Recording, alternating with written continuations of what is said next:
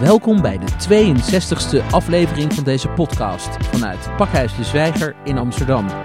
Mijn naam is Maurice Seleki en ik spreek met de voorzitter van de Sociaal-Economische Raad, de SER, Mariette Hamer. Op woensdag 19 februari is ze spreker tijdens Scheidslijnen Verdwijnen, een programma van de SER en Pakhuis de Zwijger.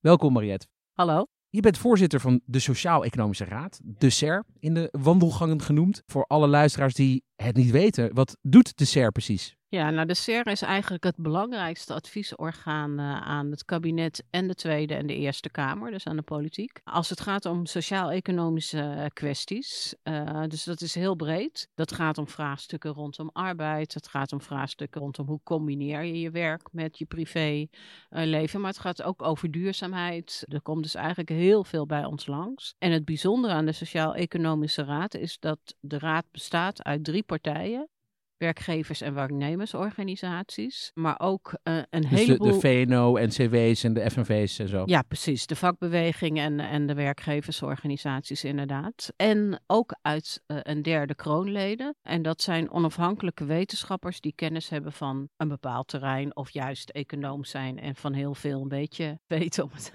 Uh, dus het zijn Respect verschillende... ja, precies. Maar we dus echt kijken vanuit het perspectief van economische belangen of juist sociale belangen. En met elkaar vormen wij de SER. Uh, en wat je in de afgelopen tijd ziet, is dat er eigenlijk steeds meer maatschappelijke organisaties bij dat werk van de SER uh, worden betrokken. Dus ook onderwijspartijen denken mee. Het klimaatakkoord hebben we een belangrijke rol hebben gehad. Dan denken ook organisaties die met duurzaamheid bezig zijn mee. Maar de kern wordt gevormd uh, door die werkgevers, werknemers en de kroonleden. Mooi, nou dat geeft inderdaad al een beeld. We gaan het uh, in deze podcast nog veel meer hebben natuurlijk over jullie activiteiten en werkzaamheden en ook over jullie werkwijze. Maar het is ook leuk om heel even op jouw eigen loopbaan in te gaan. Ja. Want uh, je bent al heel lang uh, actief. je hebt echt een, een, een, drukwekkende staat van dienst. je, je bent bijvoorbeeld de oprichter en eerste voorzitter van de Landelijke Studentenvakbond. Ja, ja. Dat was nog in de jaren tachtig, toen je in de UvA studeerde taal. Wetenschappen. Taalwetenschappen, ja, precies. en dat is ook uiteindelijk uh, heeft dat geresulteerd in een carrière in de Tweede Kamer, waar ja. je voor de Partij van de Arbeid in de Tweede Kamer zat. Je bent partijvoorzitter van die partij geweest. Je bent fractievoorzitter geweest. Ja, allemaal, ja. Ja, dus het is uh, ongelooflijk. Ja. Ik heb daar ook allerlei prijzen voor gekregen. De Joke Smit-prijs uh, onlangs nog. Um, maar misschien heel eventjes over de, jou, jouw activiteit in Den Haag als Kamerlid. Wat is nou eigenlijk het grote verschil tussen jouw werkzaamheden als ja, politicus eigenlijk en wat je dus nu doet als voorzitter van de SER? Ja, nou, het, zijn heel veel overeenkomsten, laat ik daarmee beginnen, omdat het heel, vaak over onderwerpen gaat waar wij met de CER mee bezig zijn, die in de Tweede Kamer spelen. Uh, dus dat vind ik er zelf heel erg leuk aan. Uh, hè, dus al die dingen waarom je de politiek ingaat en waarom je maatschappelijk geëngageerd bent, uh, ook weer aan de orde komen bij de, bij de CER. Alleen mijn rol daarin is een andere als politica moet je natuurlijk zorgen dat je het standpunt van je partij goed naar voren brengt. Dat loopt bijna één op één als het goed is met je eigen opvattingen. Terwijl nu ben ik de voorzitter van een, van een adviesorgaan waar verschillende meningen samen zijn gekomen tot bepaalde oplossingen. En die moet ik verder brengen. Dus het gaat veel minder om in die zin om mijn eigen opvatting uh, en veel meer om wat wij als partijen gezamenlijk aan het kabinet uh, adviseren. Uh, dat is ja, dus echt een andere rol die je hebt. Maar ja, ik denk altijd zelf, ja, je kunt dat niet goed doen als je toch niet op een of andere manier in zo'n proces internaliseert wat je voorstelt. Want anders, ja, dan denken ze, wat staat zij nu voor verhaal te vertellen? Dus je moet ook zelf wel een beetje gaan geloven in het product, hè, het advies in dit geval vaak, uh, wat je met elkaar maakt. Uh, dus het is anders, maar het is ook, ja, het heeft ook weer een aantal dezelfde kenmerken. Ja, en het scheelt natuurlijk ook dat je de, de, de Haagse olifantenpaadjes kent en, de, en weet hoe het spel uh, gespeeld wordt. Nou ja, dat, dat uh, vond ik zelf best wel spannend toen ik overstapte als een uh, actieve en ook wel geprofileerde politica naar een orgaan wat hè, zeg maar onafhankelijk is. Dus ik heb best wel gedacht van nou, gaan ze mij daarin vertrouwen? maar in die zin heeft het weer heel erg geholpen dat ik lang in de politiek heb gezeten met heel veel partijen buiten mijn eigen partij, de PvdA, heb samengewerkt. En dus omdat ik al zo lang in die Kamer zit, ook wel een beetje van iedereen was geworden.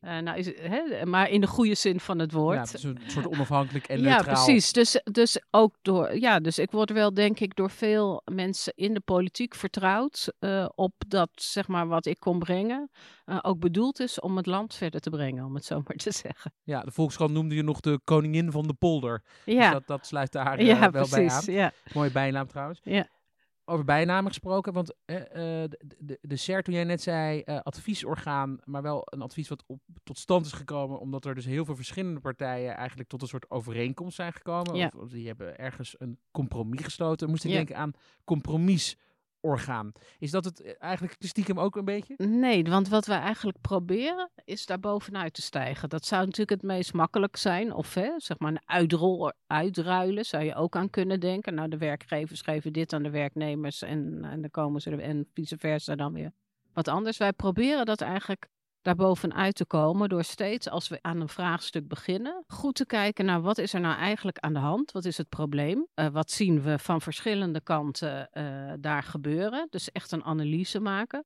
Hoe is het buitenland met dat probleem bezig? Wat kunnen we daarvan leren? En vervolgens gaan we op basis daarvan met elkaar praten. Dus de kunst voor mij is ook een beetje om ja, zeg maar de FNV te laten vergeten dat ze de FNV zijn. FNV is. En de werkgevers te laten vergeten dat ze werkgevers zijn, maar dat ze vooral met dat gezamenlijke probleem bezig zijn. Zonder natuurlijk dat ze uit het oog verliezen dat er een werknemer is die belang heeft bij de oplossing van een bepaald onderwerp, een burger is die uh, belang heeft, et cetera. Maar uiteindelijk is een compromis, ja, daar zijn wij niet voor. Dat kan de politiek zelf wel. Dus wij moeten daar bovenuit stijgen. Oké, okay, dank.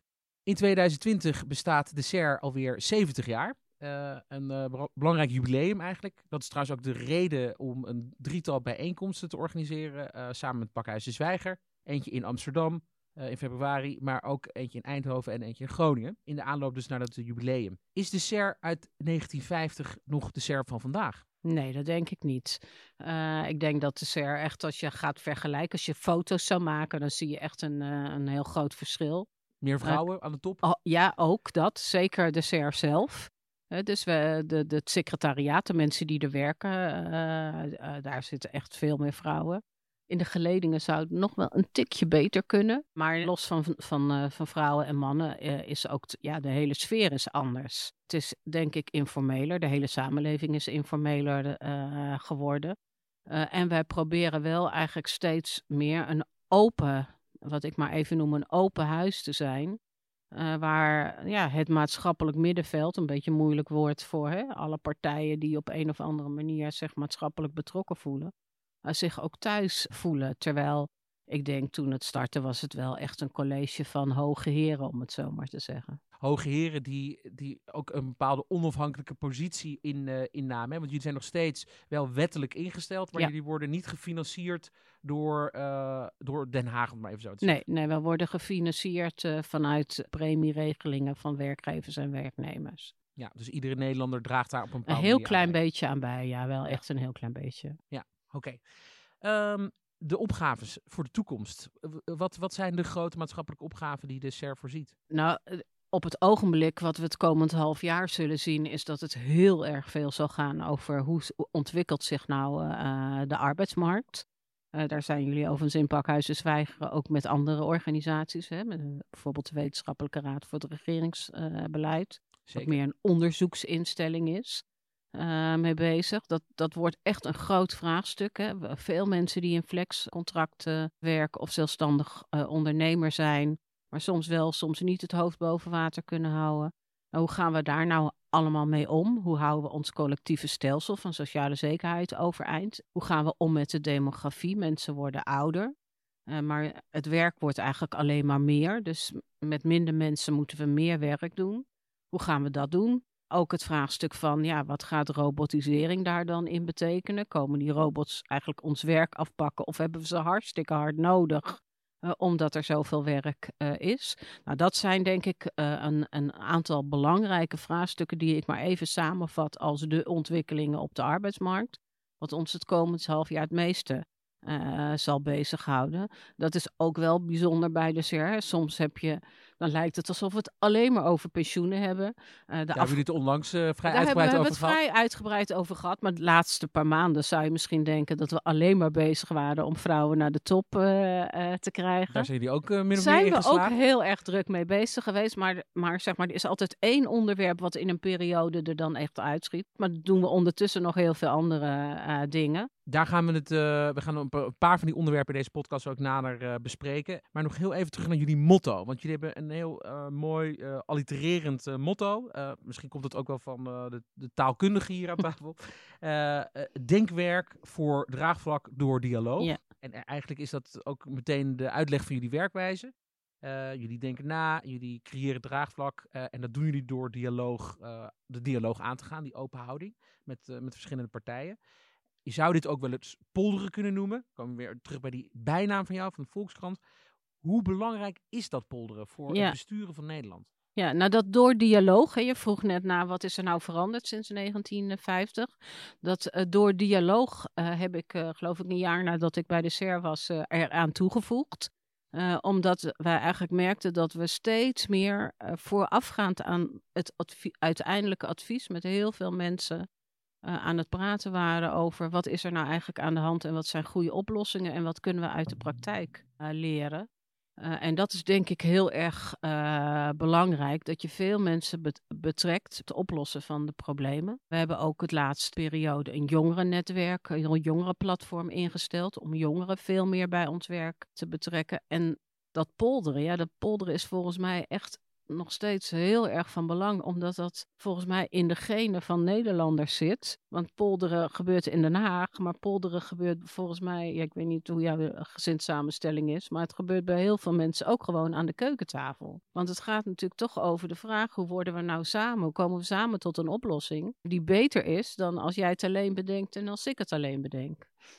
Ja, nee, dat klopt. Uh, ik, ik heb een vriendin die toevallig een partijgenote van jou is. En ja. uh, ik, ik zit bij een andere club. Ja. Maar uh, we polderen inderdaad nogal veel ja, over allerlei dingen. Dus, dus het, het, het gebeurt ook thuis. Ja. Zeker, ja. Over de jongeren gesproken. Want jullie hebben dus inderdaad, dat is ook jouw initiatief mede geweest. Of helemaal geweest. een jongerenplatform, SER jongerenplatform opgericht. En, en jongeren die, die nemen ook in jullie plannen een speciale rol in. Want wat ik hier in de research heb begrepen is dat de SER, het kabinet, adviseert om plannen ook te toetsen op de effecten voor jongeren. Dus dat is ook echt heel belangrijk. Dus wat gaat het voor de nieuwe generaties doen? Dus eigenlijk de lange termijn. Wat, wat, wat voor uitdagingen zie je dan eigenlijk voor die jongeren? Nou, eerst misschien even iets over waar dat idee van uh, wat wij dan noemen een generatietoets vandaan komt. Dat is door de jongeren zelf bedacht. Het is inderdaad zo dat ik zelf het initiatief heb genomen tot het jongerenplatform, omdat bij mijn afscheid in de Tweede Kamer ik opeens overspoeld werd uh, door uh, de huidige landelijke studentenvakbondsleden van de LSVB. Die waren heel erg geïnteresseerd in wat hun eerste voorzitter ging doen. Dus toen ben ik met ze in gesprek geraakt. En vervolgens ben ik, toen ik bij de SER kwam, in gesprek geraakt met de jongeren van de FNV en de CNV. Uh, maar ook de werkgeversjongeren. En toen bleek dat zij toch eigenlijk niet heel erg betrokken waren bij ons werk. En toen dacht ik, ja, dan ga, kan ik wel weer de structuur gaan veranderen of ze een plekje geven apart. Maar het is veel leuker om met jongeren samen te gaan zitten. Hoe zij nou tegen die ontwikkelingen uh, aankijken waar we bij de, hè, bij de, de normale SER uh, mee bezig zijn. Nou, dat is als een vaart vooruit gegaan. Uh, ze waren buitengewoon actief. Ze hadden binnen een half jaar een manifest geschreven. Dat hebben ze in de Tweede Kamer gepresenteerd. En toen zei de Tweede Kamer: Willen jullie voor ons een verkenning maken van hoe de problemen van jongeren nu zijn ten opzichte van de jongeren, uh, de generaties van uh, daarvoor? Dat zij zijn gaan doen. Er zijn een aantal hele interessante conclusies uitgekomen. Bijvoorbeeld dat jongeren veel meer dan vroeger allerlei belangrijke beslissingen moeten uitstellen. Het kopen van een huis, een gezin stichten, een vaste baan krijgen, gebeurt allemaal later. Er is ook veel stress onder jongeren. We hebben het uh, advies uiteindelijk, de verkenningen uiteindelijk hoge verwachtingen genoemd. Omdat jongeren heel hoge verwachtingen van zichzelf hebben, maar ook de samenleving hoge verwachtingen heeft. Under pressure? Ja, precies. En toen vervolgens merkten we dat je kan alleen naar onderwijs kijken, of je kan alleen naar de huisvesting van jongeren kijken, of je kan alleen naar hun werk krijgen. Maar in die problemen waar ze tegenaan lopen, daar zit ook een verband. Uh, en een goed voorbeeld is het leenstelsel. Hè, dus goed onderzocht toen het werd ingesteld. Maar er is Dus- nooit... dus het leenstelsel voor Voor, studenten. is studie, dat, hè? voor Ja. studiefinanciering, ja. Maar er is nooit nagedacht over de vraag: wat betekent nou het feit dat je met zo'n hoge schuld van je opleiding afkomt bij het kopen van een huis? En is ook niet nagedacht over: en hoe is die woningmarkt zich nou aan het ontwikkelen? Eh, en ja, hoe komt dan die student met die schuld op die woningmarkt terecht? Nou, zo kan ik een heleboel parallellen trekken. En daarom hebben de jongeren gezegd: je zou eigenlijk bij elk beleid moeten kijken niet alleen naar dat ene onderwerp, maar veel breder. Wat betekent nou de invoering van zo'n nieuw stelsel, ook op andere terreinen, voor zo'n generatie? En zij hebben het natuurlijk voorgesteld voor jongeren, maar in wezen zou je datzelfde kunnen doen als je grote stelselwijzigingen doet. Zou je ook naar ouderen kunnen kijken. Hè, dus, maar het gaat erom dat je een beetje dwars door de beleidsterreinen eh, heen kijkt. En dat is natuurlijk waar we wel vaak tegenaan lopen, dat Den Haag heel verkokerd denkt. Het ene ministerie is met dit onderwerpje bezig, het andere ministerie met dat. En ja, het is ook wel een taak van de SER en dus ook van de jongeren om de samenhang daartussen eh, te zien. De holistische blik en ook Ja, het, het eigenlijk wel, integrale ja. denken. Ja, Eh, precies. Ja. Ehm, overigens, want het is heel interessant dat, dat, dat eh, je ook nog even refereerde aan jouw eerste voorzitterschap. En dat is dus van die Landelijke Studentenvakbond. Dat was in de jaren 80, Ja. in 1984. Ja. Dat was ook eigenlijk de, de periode van No Future. Eh, was, Nederland was ook in een diepe crisis. Volgens mij waren het de Lubbersjaren. Eh, Ja. nou, dat, dat Ja. was eh, ook een een grimmig, grimmige bedoeling. Ja. Als we onze geschiedenislessen moeten geloven. Wat voor, wat, wat, wat voor overeenkomsten zie je eigenlijk tussen, laten we zeggen, de crisis ook voor jongeren toen? Geen huis, geen woning, geen kroning, al dat soort termen. Geen werk. Eh, en, die jongeren van nu, die ook een beetje in de tang zitten. Ja, nou, ik zie best wel eigenlijk veel overeenkomsten, omdat wij, zeg maar, in de tijd dat ik studeerde, ik heb zelf eerst leraaropleiding gedaan. En ja, toen hadden we juist een overschot aan leraren, dus er werd voorspeld dat je niet aan het werk kwam, ook inderdaad een crisis. Het is met de gedachte, nou ja, je ziet wel wat je gaat doen. In wezen, als we nu kijken naar de generatie die nu in ons jongerenplatform eh zit, ja, die zijn nou, hebben allemaal op de middelbare school gezeten toen die crisis begon. Die is allemaal verteld dat het moeilijk, moeilijk, moeilijk werd aan het werk. En nu zitten ze op de opleiding of ze zijn net aan het werk. En nu is een ontzettend groot eh, tekort aan mensen. Dus ze worden bijna van de schoolbanken afgeplukt. Terwijl ze met dat andere idee zijn gaan eh, studeren. Dus ze hebben ook het gevoel, ja, ik kan niet, hè, zo'n aanbod voor een baan, dat kan ik niet laten lopen, want straks is het misschien weer crisis. En dat zie ik wel een parallel in, in, zeg maar, in mijn generatie. Omdat, zeg maar, we- ja, wij daar eigenlijk toch minder mee bezig waren. Nou ja, het werd wel gezegd, je vindt geen baan, maar ja, op een of andere manier vond iedereen toch weer een baan. Do it yourself, dat was ook een Ja, beetje precies. term Dus het is to- ja, en ik heb het idee dat de huidige generatie eigenlijk veel bewuster nog bezig is met die toekomst te plannen. Misschien komt het ook wel door die ouders die ze hebben gehad, die dus van mijn generatie zijn. Maar daardoor dat ze ook wel wat gespannener eh, in het leven staan. Ja, dus die hoge verwachtingen. Ja, precies. Ja. Ja, heel interessant. De sociale en economische barrières die we op dit moment eh, ook in de samenleving ervaren, eh, daar zijn er allerlei eh, voorbeelden van. Kun je misschien daar wat meer over zeggen? Welke barrières zouden eigenlijk geslecht moeten worden, zodat iedereen ook een kans krijgt? Ja. Want er- nog steeds in die economie, ook al is er dus nu een, een vacatureoverschot, maar nog niet iedereen kan aan de bak komen, zeg maar. Nee, precies. niet. Nou, En, en je kunt soms wel aan de bak komen, maar de omstandigheden waarin de een of de ander werkt, die zijn heel verschillend. En je kan eigenlijk soms, hè, het mooiste voorbeeld wordt altijd gezegd, hè, als je naar de bouw gaat kijken, er kan op de steiger iemand staan met een flexcontract, er kan iemand staan eh, met een zelf, die zelfstandig is, en er kan iemand met een vast contract staan. En ze doen alle drie hetzelfde werk. Maar ze krijgen totaal anders betaald. Ze hebben een andere sociale zekerheid. De ene is wel verzekerd als die er vanaf valt, hè, van die steiger.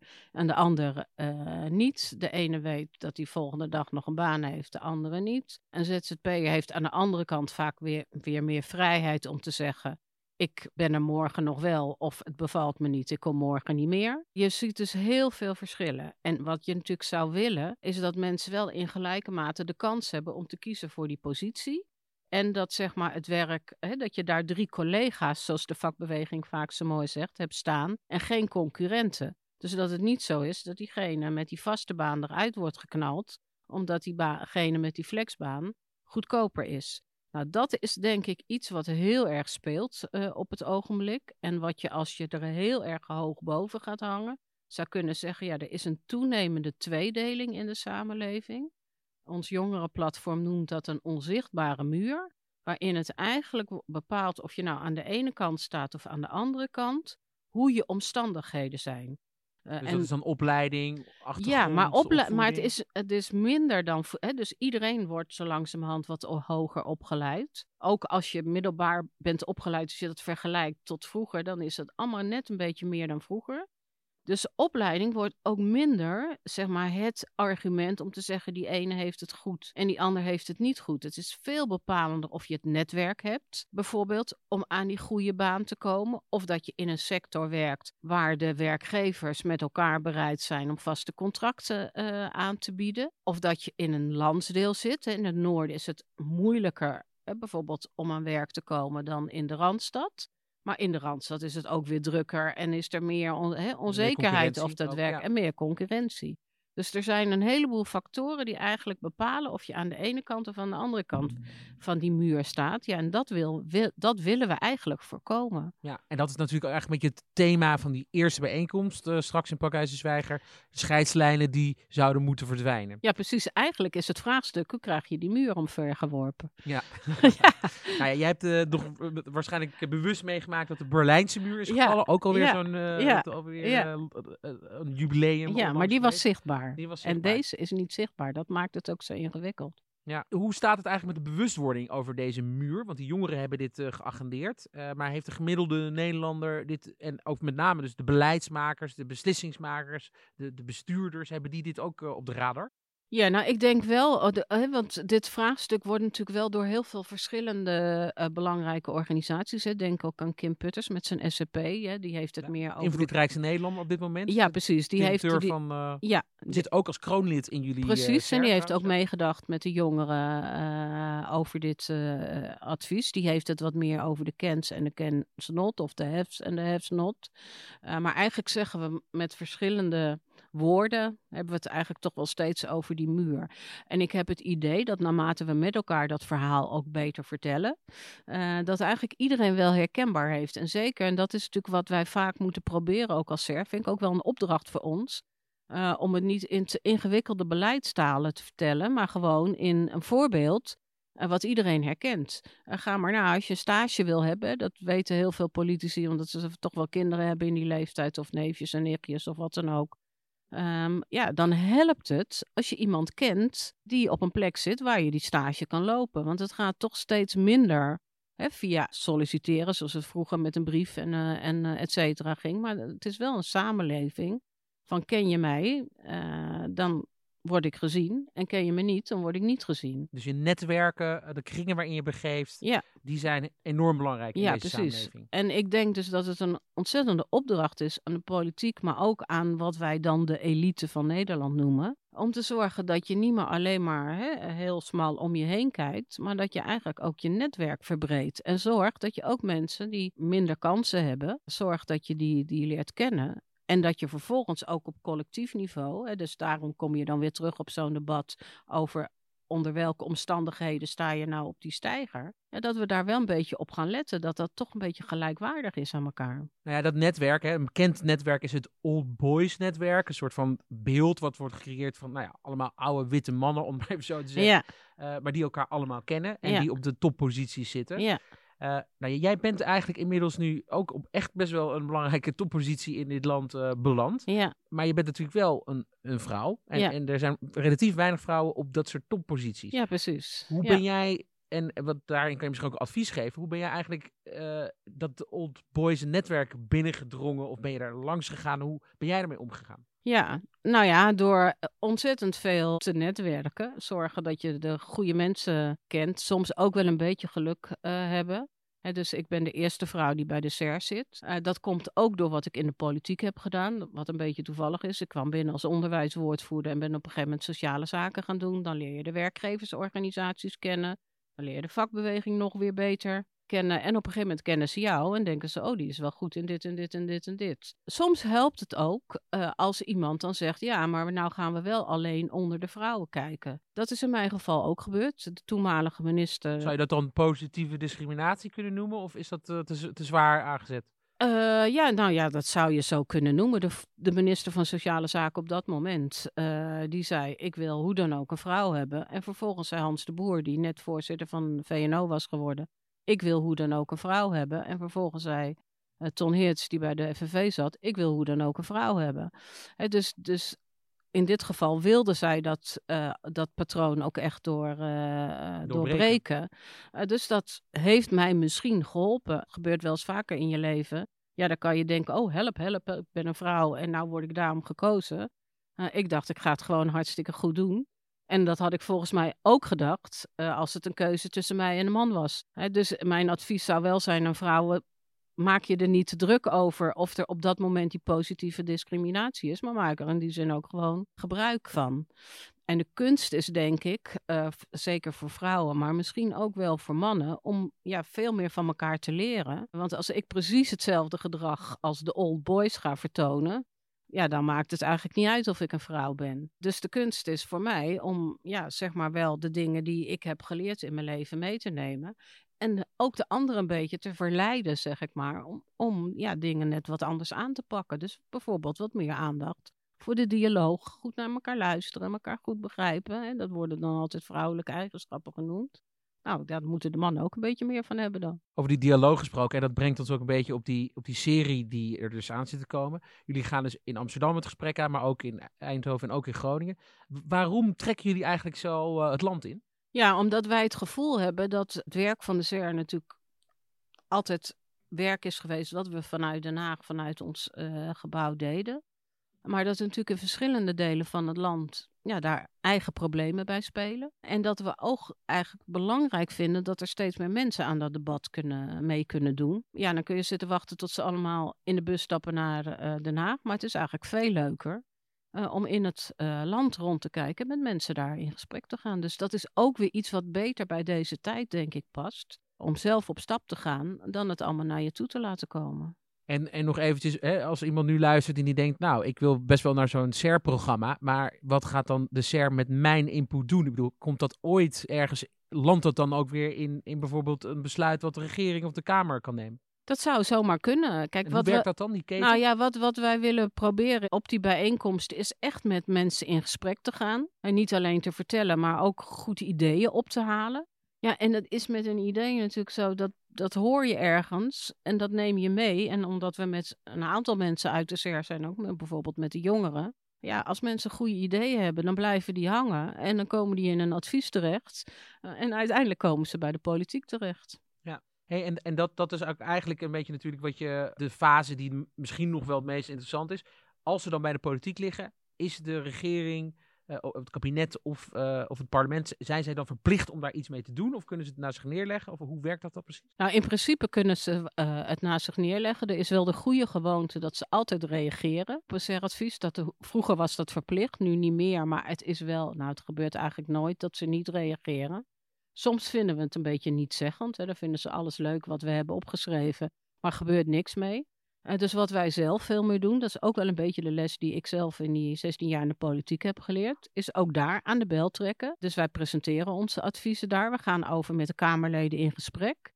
En dat is het leuke. Dus een beetje, ik hoop dat er eigenlijk in die bijeenkomst een beetje hetzelfde gebeurt als in die Tweede Kamer. Als je met elkaar over zo'n onderwerp gaat praten, proberen wij ook, doordat zij ons vragen mogen stellen en vervolgens ga je met elkaar in die dialoog, ja, dan gaat het ook leven. En dat is eigenlijk wat wij steeds meer eh, willen bewerkstelligen. Dat we niet alleen een voorstel doen, hoe kan je een probleem oplossen, maar dat je er ook met elkaar in gesprek in gaat. En dan gaat het minder om dat ene idee, want misschien komt er uit dat ene idee, zo'n generatietoets, begonnen voor de jongeren. Nou, misschien gaan we er wel, als we erover in gesprek zijn, zeggen, nou, laten we het ook voor ouderen doen. Prima. Het gaat veel meer van, kun je nou met elkaar tot de beste oplossing komen, die misschien voor dit jaar dit is en over twee jaar weer een beetje anders.